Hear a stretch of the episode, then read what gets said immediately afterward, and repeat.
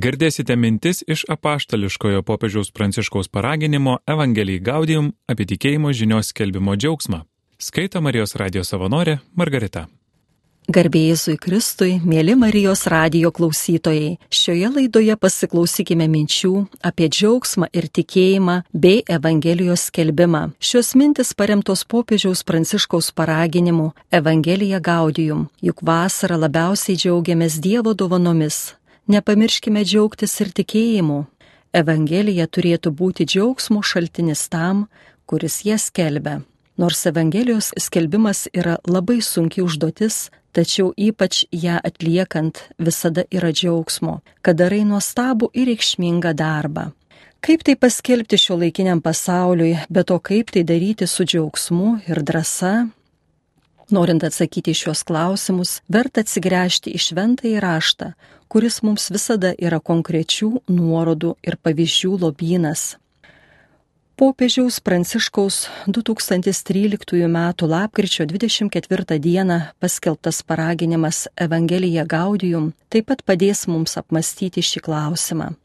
Pirmiausia, apmastysime Evangelijos džiaugsmo šaltinį ir atspirties tašką jam pasiekti Tada aptarsime džiaugsmo motyvus ir trumpam staptelėsime prie liūdėsio, kuris yra džiaugsmo priešingybė, ieškodami jo priežasčių. Pasidalinsime trumpais apmąstymais apie šventąją dvasę, džiaugsmo dovanotoją.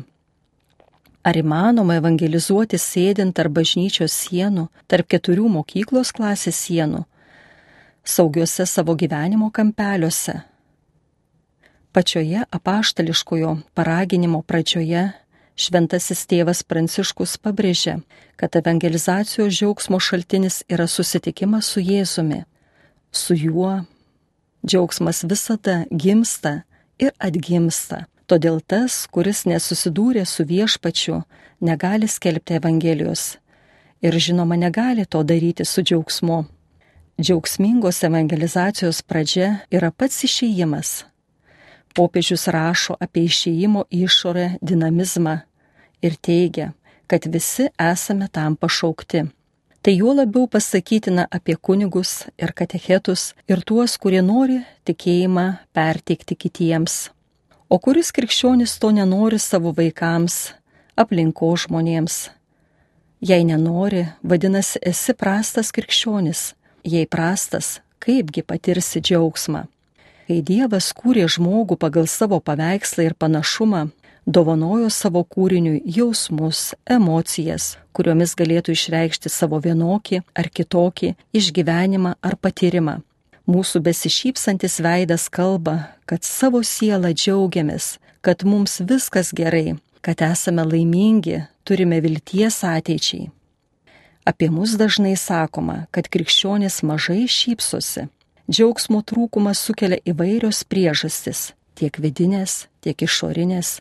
Turbūt liūdėti mokame, o džiaugtis gyvenimu ne. O be to ir džiaugsmas džiaugsmai nelygų. Kartais bandoma dirbtinai sukelti džiaugsmo bangas, bet jos būna labai trumpos. Tai tik akimirkos džiaugsmas. Skirtingai džiaugsmas suvokia Dievą tikintieji ir jo nepažįstantieji. Yra šio pasaulio džiaugsmas ir Dievo vaikų džiaugsmas. Biblijoje sakoma, nebūkite nuliūdę, nes viešpaties džiaugsmas yra jūsų stiprybė. Esame krikščionis, žmonės tikintis viešpačiu, tikintis Dievo meilę, jo malonę, tikintis prisikėlimu ir amžinuoju gyvenimu. Pasaulis be Dievo viso to neturi, tad mes turime daugiau progų džiaugtis, nei liūdėti. Tačiau teko girdėti ir tokį posakį, iš kur pareini toks liūdnas, ar iš bažnyčios. Keista, bet krikščionis kartais pasidaro tokie super tikintis, kad užmiršta džiaugtis ir vietoj to širdį brandina rūstybę. Atsiranda kaltinimų, priekaištų, kitaip manančiam ar silpnesnio tikėjimo broliui. Pradedama nedalintis džiaugsmu, o jį tiesiog naikinti.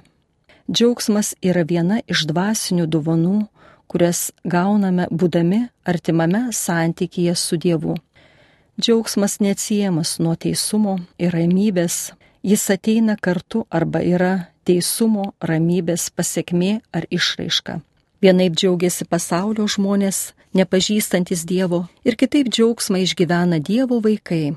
Dvasinį džiaugsmą drąsiai galime vadinti dievišku džiaugsmu. Jis neteina iš išorės šio pasaulio įtakos, taip pat ir ne iš mūsų. Jį dovanoja, mumise sukuria pats Dievas, veikiant šventajai dvasiai. Ir tai nėra vien tik jausmų išraiška, bet mumise subrandintas šventosios dvasios vaisius. Jei džiaugsmas būtų vien tik emocija, jo būtų maža. Mes rastume daugiau priežasčių liūdėti nei džiaugtis. Taip nutinka žmonių, nepažįstančių mylinčio Dievo gyvenime. Psichologai, norėdami padėti žmonėms matyti ne vien tik blogus dalykus, ragina pamatyti gerasias puses. Patys esame linkę matyti tik tai, kas juoda, nors aplinkui yra ir daug šviesių dalykų. Biblijoje sakoma, nes kaip jis galvoja savo širdyje, toks jis ir yra. Krikščionis negali tai nekreipti dėmesio, juk mūsų Dievas, meilės Dievas ir visa, kas nutinka, išeina į gerą Dievo vaikams. Jėzus Kristus taip pat daug kalba apie džiaugsmą. Pavyzdį randame Evangelijos pagal matą penktos skyriaus palaiminimuose. Čia pasakyta, kad palaiminti esame ne vien tada, kai viskas gerai sekasi, bet ir tada, kai liūdime ar esame persekiojami, niekinami ar šmeižiami. Būkite linksmi ir džiūgaukite, nes jūsų laukia gausus atlygis danguje. Mes juk esame ne vien šio pasaulio gyventojai, bet ir pažado žemės, dangaus karalystės piliečiai. Todėl ir pagrindo džiaugtis turime daug daugiau. Jėzus prieš savo mirtį ir prisikėlimą mokiniams kalbėjo. Aš vėl jūs pamatysiu ir jūsų džiaugsmo niekas iš jūsų nebetims. Mes esame prisikėlimo liudytojai ir džiaugsmo pasiuntiniai. Ten, kur einame, nešame džiaugsmo žinę mūsų viešpats gyvas. Krikščionis skirtingai ne visas kitas pasaulis turi kitokį džiaugsmą. Kartais pasaulis džiūgauja, o mes liūdime, bet viešpats tą nuliūdimą paverčia džiaugsmu. Esame pašaukti pastebėti džiaugsmo priežastis, džiaugtis su žmonėmis, kurie džiaugiasi. Kai kas sako, kad Evangelijos skelbimui būtina sąlyga yra išėjimas į gatvę, Kažkam gali atrodyti, kad jis evangelizuoja, bet iš tikrųjų jis yra užsidaręs tarp keturių bažnyčios sienų, tarp keturių mokyklos klasės sienų, saugiuose savo gyvenimo kampeliuose. Tuo tarpu būtina žengti pirmą žingsnį ir išeiti. Abraomas, kaip rašoma pradžios knygoje, išgirdo iš Dievo žodžius - išeik. Jis rizikavo ir paliko savo ankstesnį gana patogų gyvenimo būdą kad galėtų sekti viešpaties balsą į nežinomybę. Kiek daug šiandien esame skolingi Abraomui. Moze taip pat gavo Dievo nurodymą eiti pas faraoną ir pradėti misiją išvesti izraelitus iš Egipto. Iš pradžių jis priešinosi, bet galiausiai pakluso viešpaties kvietimui. Panašiai elgėsi ir pranašas Jeremijas, kuris teisinosi baime ir tuo, kad yra per jaunas, bet galiausiai pakluso Dievo įsakymui. Tu eisi pas tą, pas kurį tave siūsiu ir kalbėsi, ką tik tau įsakysiu. Tik Izaijas, kuris buvo tarsi priekyje, atsakė iš anksto. Štai aš, siūsk mane. Jėzaus mokiniai taip pat pradėjo savo misiją, sekdami paskui jį. Tada jie gavo įsakymą Eikite į visą pasaulį ir skelbkite Evangeliją kiekvienam kūriniui. Tad teikite ir padarykite mano mokiniais visų tautų žmonės, krikštydami juos vardant tėvo ir sunaus ir šventosios dvasios. Jie ėjo iš pradžių pažydus, paskui pas pagonis ir skelbė jiems Evangeliją. Jų širdis buvo kupinos džiaugsmo dalytis gerąją naujieną su kitais gražų pavyzdį mums pateikia mergelė Marija, kuri po prieiškimo nuskubėjo pas savo giminaitę Elsbietą, kad pasidalytų su jie savo džiaugsmu. mes taip pat turime eiti ir kitiems kūrybingai bei džiausmingai skelbti Evangeliją. Svarbus kūrybingumas, išradingumas, kuris neretai būna džiaugsmo priežastis ir skelbėjui, ir klausytojui. Džiaugsmo šaltiniai. Visada nuvykę skelbti tikėjimo turėtume nuolat džiaugtis Jėzumi ir jo amžina jaunystė. Todėl, kaip prašo popiežius, kiekviena autentiška evangelizacinė veikla visada yra nauja. Mums atrodo, kad Evangelija yra sena tik todėl, kad jai 2000 metų, o mes asmeniškai ją gerai pažįstame nuo vaikystės. Gilinomės į ją studijuodami teologiją, ilgesnį ar trumpesnį laiką mokėmės jos pamoksluose ir katechezėse. Tuo tarpu mums reikia nuolat jie džiaugtis, tarsi būtume apie ją išgirdę tik vakar. Be to, nepajusime džiaugsmo jį skelbti. Grįžkime prie šventojo tėvo mokymo. Pranciškus išvardyja evangelizavimo džiaugsmo motyvus. Plačiaja prasme, tai yra dalymasis gėrių, gyvenimo ir meilės lobių, tikėjimų, užtarimo malda už kitus, dvasinių polinkių būti arti žmonių gyvenimo. Naujasis testamentas mums pateikia daugybę įrodymų, kad popiežiaus pastabos yra tikslios. Kai Jėzaus pasiusti mokiniai grįžo iš savo misijos, jie su džiaugsmu kalbėjo apie tai, kad piktosios dvasios jiems pasidavė, jie mielai dalyjosi su kitais mokytojo jiems patikėta gale. Pirmieji krikščionys kaip mus įtikina Lukas vadinamosiose santraukose, viskuo, ką turėjo, dalyjosi su savo broliais ir jie dėl to niekiek nenusiminė, priešingai juos apėmė didelis džiaugsmas. Apie tai skaitome apaštalų darbų knygos antrame skyriuje. Pilypas turėjo būti laimingas pakrikšties etijopų dvariški, kuris džiaugsmingai grįžo į savo tėvynę. Šventasis Paulius laiškė filipiečiams ir laiškė korintiečiams nekarta pabrėžė savo džiaugsmą dėl buvimo su broliais iš skirtingų bendruomenių ir jų tikėjimo augimo.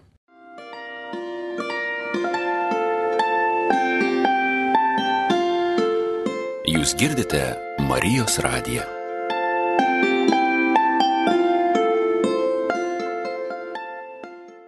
Šventasis tėvas Pranciškus mums primena šį pirmųjų Kristaus sėkėjų džiaugsmą ir didvyriškumą, rašydamas. Gera prisiminti pirmuosius krikščionis, kurie buvo kupini džiaugsmo, nepaliaujamos drąsos kelbti žodį ir sugebėjo būti labai ištvermingi, juk būtent jie persiekėjimo akivaizdoje džiaugiasi, kad yra verti kentėti dėl Jėzaus vardo. Paulius, Jokūbas taip pat rašo apie džiaugsmą kančios akivaizdoje. Džiaugsmas yra pagrindinė Evangelijos tema. Kalbėdami apie džiaugsmą negalime nepaminėti, kad jo motyvas Evangelijose skamba praktiškai nuo pat pradžių, nuo tos akimirkos, kai Jėzus laukiamas Mesijas turėjo ateiti į pasaulį. Šventasis Lukas daugiausiai rašo apie džiaugsmą Jis pamini angelą, kuris paskatino Mariją džiaugtis. Sveiki, malonės pilni. Viešpat su jumis. Tikslesnis vertimas būtų toks - džiaukitės malonės pilni, viešpat su jumis. Toliau evangelistas parodo Mariją kaip džiaugsmingo viešpati šlovinančio himno, vadinamo Marijos giesme arba lotyniškai Magnificat autorė. Jis prasideda žodžiais Mano siela šlovina viešpati ir mano dvasia džiaugiasi Dievu savo gelbėtoju.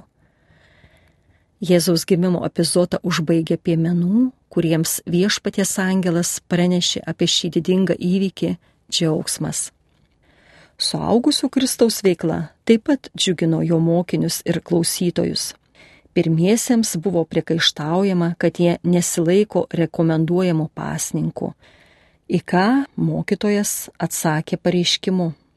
Ar galite versti vestuvis svečius pasnikauti, kol su jais yra jaunikis? Viešpats Jėzus palygino save su jaunikiu, kurio buvimas kelia apaštalų džiaugsmą. Dievo karalystė ir jos ateimas prasidėjo kartu su Mesijo ateimu. Tai mums taip pat yra svarbi priežastis džiaugtis. Tikėjimas, Dievo artumas yra panašus į lobį, kurį laukia atranda jį dirbantis žmogus ir į brangų perlą, kurį randa pirklys. Tai Jėzus pasakė apie karalystę palyginime ir pabrėžė dviejų laimingųjų džiaugsmą. Jie nepasiliko vien emocinėme ligmenyje, bet su dideliu atsidavimu ir ryštu darė viską, kad galėtų turėti lobį. Jie parodė, kad džiaugsmo pasiekmė turėtų būti dinamiškumas. Džiaugsmo jausmą žemėje lydi ir dangaus gyventojų džiaugsmas. Viešpats apie tai kalbėjo palyginamuose apie nusidėlio atsivertimą. Visos Evangelijos pagal Luką 15 skyrius yra sklidinas džiaugsmo, kad grįžo nusidėjėlis. Džiaugsmo pavyzdys - Jėzaus palyginimas apie du sūnus iš Evangelijos pagal Luką 15 skyriaus. Kai jaunėlis sūnus grįžo namo, išvaistės tėvo duotą palikimo dalį. Tėvas jo nekaltino, nesmerkė, bet iškėlė puotą ir kvietė visus su juo džiaugtis ir linksmintis. Tam buvo rimta priežastis. Juk šis mano sunus buvo miręs ir vėl atgyjo, buvo pražuvęs ir atsirado, ir jie pradėjo linksmintis. Tėvas ragino kartu linksmintis ir vyresnį sūnų, kuris visą laiką buvo namuose ir dirbo tėvo ūkyje. Kam laikyti širdie priekaištus, pykti, jei gali džiaugtis brolio sugrįžimu? Džiaugtis tai dalyvauti kito laimėje, nebūti egoistiškiams, bet atsigręžti į kitus žmonės taip, kaip Dievas atsigrėžė į žmogų. Juk ir dangus džiaugiasi, kai nusidėlė atsiverčia. Kiekvieną kartą turėdami progą skelbti Evangeliją galime džiaugtis, o kai matome nebejingas tam skelbimui žmonių širdis, galime dar labiau džiaugtis. Krikščioniškas džiaugsmas nėra paviršutinis pasitenkinimas, tai greičiau atsako į pergalės, palaiminimus, kylančius ne iš mūsų pastangų išraiška. Visą tai gauname mylinčio Dievo dėka. Jėzus Kristus neša džiaugsmą į savo mylinčių žmonių širdis per savo žodį. Aš jiems tai kalbėjau, kad jumise būtų manasis džiaugsmas ir kad jūsų džiaugsmui nieko netrūktų. Tavo žodžiai, kuriuos tu man kalbėjai, atgaivino ir pradžiugino mane ir suteikė linksmumo mano širdžiai. Biblijoje rastume kelis šimtus kartų pakartotą raginimą džiaugtis, džiuginti kitus. Jei Dievui nerūpėtų mūsų džiaugsmas, turbūt tai ir nebūtų taip akcentuojama Biblijoje, pradedant pradžios ir baigiant apreiškimo Jonui knygomis. Mums svarbu į gyvenime vykstančius dalykus pažvelgti Dievo akimis, kad galėtume daugiau džiaugtis. Tačiau yra vienas svarbus ir galbūt svarbiausias Kristaus gyvenimo epizodas, kuris tarsi sugadina evangelinio džiaugsmo atmosferą. Čia kalbama apie jo kančią ir mirtį, tačiau paaiškėja, kad tai yra akivaizdus sunkumas. Jei suvokiama, kad Jėzus kentėjo ir mirė, kad mus atpirktų ir atneštų išganimą, liūdėsys išnyksta ir jį pakeičia džiaugsmas, kurį užbaigia ir sustiprina viešpaties prisikelimas iš numirusių. Mokiniai šį unikalų įvykį išgyveno netikėdami, bet vis labiau džiaugdamėsi, o paskui išėjo į pasaulį, kad tai taptų viena iš pagrindinių jų skelbimo temų. Jie užkrėtė kitus džiaugsmu, nes patys jį turėjo savo širdise. Visada matykime džiaugsmo priežastį - Kristų. Jis niekada mūsų neapleidžia, neša mus ant rankų, kaip mums sunku eiti. Dalinkime džiaugsmu, užkrėskime juo kitus. Džiaugsmas geras virusas, įveikiantis tai, kas liūdina. Matykime džiaugsmo priežastį mažose, kasdieniuose dalykuose. Argi nenuostabus sprokstantis medžio pumpuras, pražydęs gėlės žiedas, vaiko juokas. Gėte yra sakęs, kiek daug džiaugsmų sutripiama, todėl kad žmonės dažniausiai žiūri tik aukštyn, o į tai, kas po kojomis, nekreipia dėmesio. Gyvenimas yra duotas juo džiaugtis. Kiekviena akimirka gali būti to džiaugsmo verta. Dalinkimės džiaugsmu su kitais, gal tik žodį pasakydami ar tiesiog patilėdami. Mūsų džiaugsmo viešpats bus su mumis. Apaštalas Petras savo pirmojo laiško pirmame skyriuje rašo. Jūs džiaugsitės, nors dabar reikia truputį paliudėti vairiuose išmėginimuose. Jūs mylite jį, nors ir nesate jo matę, tikite jį, nors neregėdami, džiūgaujate neapsakomų ir šlovingiausių džiaugsmų. Taigi darykime tai, kam esame sutverti Kristuje, visuomet džiaugimės viešpatyje. Taip patarė paštalas Paulius, kuris rėmėsi Jėzumi vilties šaltiniu. Šventoji dvasia džiaugsmo teikėja. Džiaugsmo priešingybė yra liudesys, baimė. Šiai problemai dėmesį skiria ir popiežius Pranciškus. Pačioje dokumento Evangelijos skelbimo džiaugsmas pradžioje jis pateikė bendrasias liūdėsio priežastis, o paskui keliose vietose diagnozuoja evangelizuoti liūdėsio motyvus. Jis be kita ko mini netikėjimą, misijos veiksmingumu ir nesėkmės jausmą, pesimizmą, fatalizmą ir nusivylimą, dvasinį dikinėjimą, egocentrišką pasitenkinimą. Toks evangelizuotojas, kurio veidas niurus ir rimtas, niekada nebus veiksmingas. Pranciškus griežtai įspėja mus visus neleiskime iš savęs atimti evangelizacijos džiaugsmo. Ką galima padaryti, kad įveiktume liūdėsi, ypač kai skyla dėl žmogaus psichologinės būklės ar sunkių gyvenimo patirčių, visada patartina būti atviriems šventosios dvasios galiai. Šventasis Jonas jį vadina parakletu arba užtarėju. Graikiškasis terminas parakletos kilęs iš veiksmažodžio parakalein kuris reiškia šaukti, kviesti, paguosti.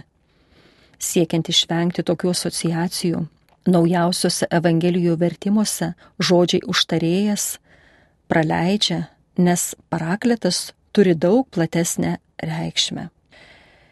Šventoji dvasia visų pirma suteikia jėgų ir padrasina ypač pavojaus ir persekiojimo akivaizdoje. Ir nepaisant evangelizacijos sunkumų, pripildo skelbėjų širdis ramybės ir džiaugsmo. Šventasis Paulius teigia, kad dvasios vaisius yra meilė, džiaugsmas, ramybė. Apie tai skaitykime laiške Galatams penktame skyriuje 22 eilutėje. Ir kad Dievo karalystė tai ne tai, ką valgome ir geriame, bet teisumas, ramybė ir džiaugsmas šventoje dvasioje. Tai rašoma Pauliaus laiške romiečiams 14 skyriuje 17 eilutėje. Kreiptis į šventąją dvasę būtina ir tada, kai Evangelijos kelbėjui trūksta drąsos. Jo gale jau nekarta parodė, kad iš prigimties silpnas žmogus gali nuveikti didžių dalykų. Tai taikoma ir evangelizacijos misijai. Galbūt verta dažniau kreiptis į jį maldoje ir atsiverti jo veikimui. Popiežius Pranciškus vienoje iš savo homilijų, sakytoje 2014 metais, gegužės 22 dieną, šventąją dvasę pavadino didžiuoju mūsų gyvenimo užmiršėjų. Laikas priminti apie jį. Apibendrinant, galima dar kartą pasakyti, kad gerosios naujienos stebėtojo misija prasideda nuo troškimo rūpintis kitais, dalintis tikėjimo žinia, nuo pasiryžimo išeiti iš savo aplinkos, iš savo patogumo, saugumo. Kai žmogus imsis vykdyti Dievo jam skirtą misiją, greitai supras, kad tai jam teikia džiaugsmo. Jis gali džiaugtis dalydamasi savo dovanomis, materialinėmis ar dvasinėmis, su kitais žmonėmis ir autentiškai gyventi džiugios Evangelijos tiesa. Jei gerai pagalvojome, mes tokia ta Evangelijos tiesa iš tikrųjų ir gyvename. Jei jis to nedarys, liks liūdnas. Išeitis gali būti kreiptis į šventąją dvasę, džiaugsmo dovanotoje, Popiežius Pranciškus įspėja, yra krikščionių, kurie atrodo gyvena gavėnę be Velykų. Tegul šis liūdnas jo pastebėjimas niekada nepaliečia mūsų. Kristus prisikėlė ir nugalėjo blogį, todėl skelbėme viltį ir džiaugsmą. Su rūpeščiu ir kantrybė kalbame kitiems apie Dievo meilę, todėl to niekada nevalia pamiršti. Dievui reikia mūsų džiaugsmingo įsipareigojimo skelbti gerąją naujieną. Dievas laukia kiekvieno žmogaus ir juo rūpinasi. Mėly Marijos radio klausytojai, laidoje girdėjote mintis apie džiaugsmą pagal popiežiaus pranciškaus dokumentą Evangelija Gaudium skaitė Margarita. Kaip prašo paštalas Paulius laiške filipiečiams ketvirtame skyriuje, visuomet džiaukitės viešpatyje. Vėl kartoju, džiaukitės. Apaštališkojo popiežiaus pranciškaus paraginimo Evangelijai gaudijimų apie tikėjimo žinios skleidimo džiaugsmą mintis skaitė Marijos radijos savanorė Margarita.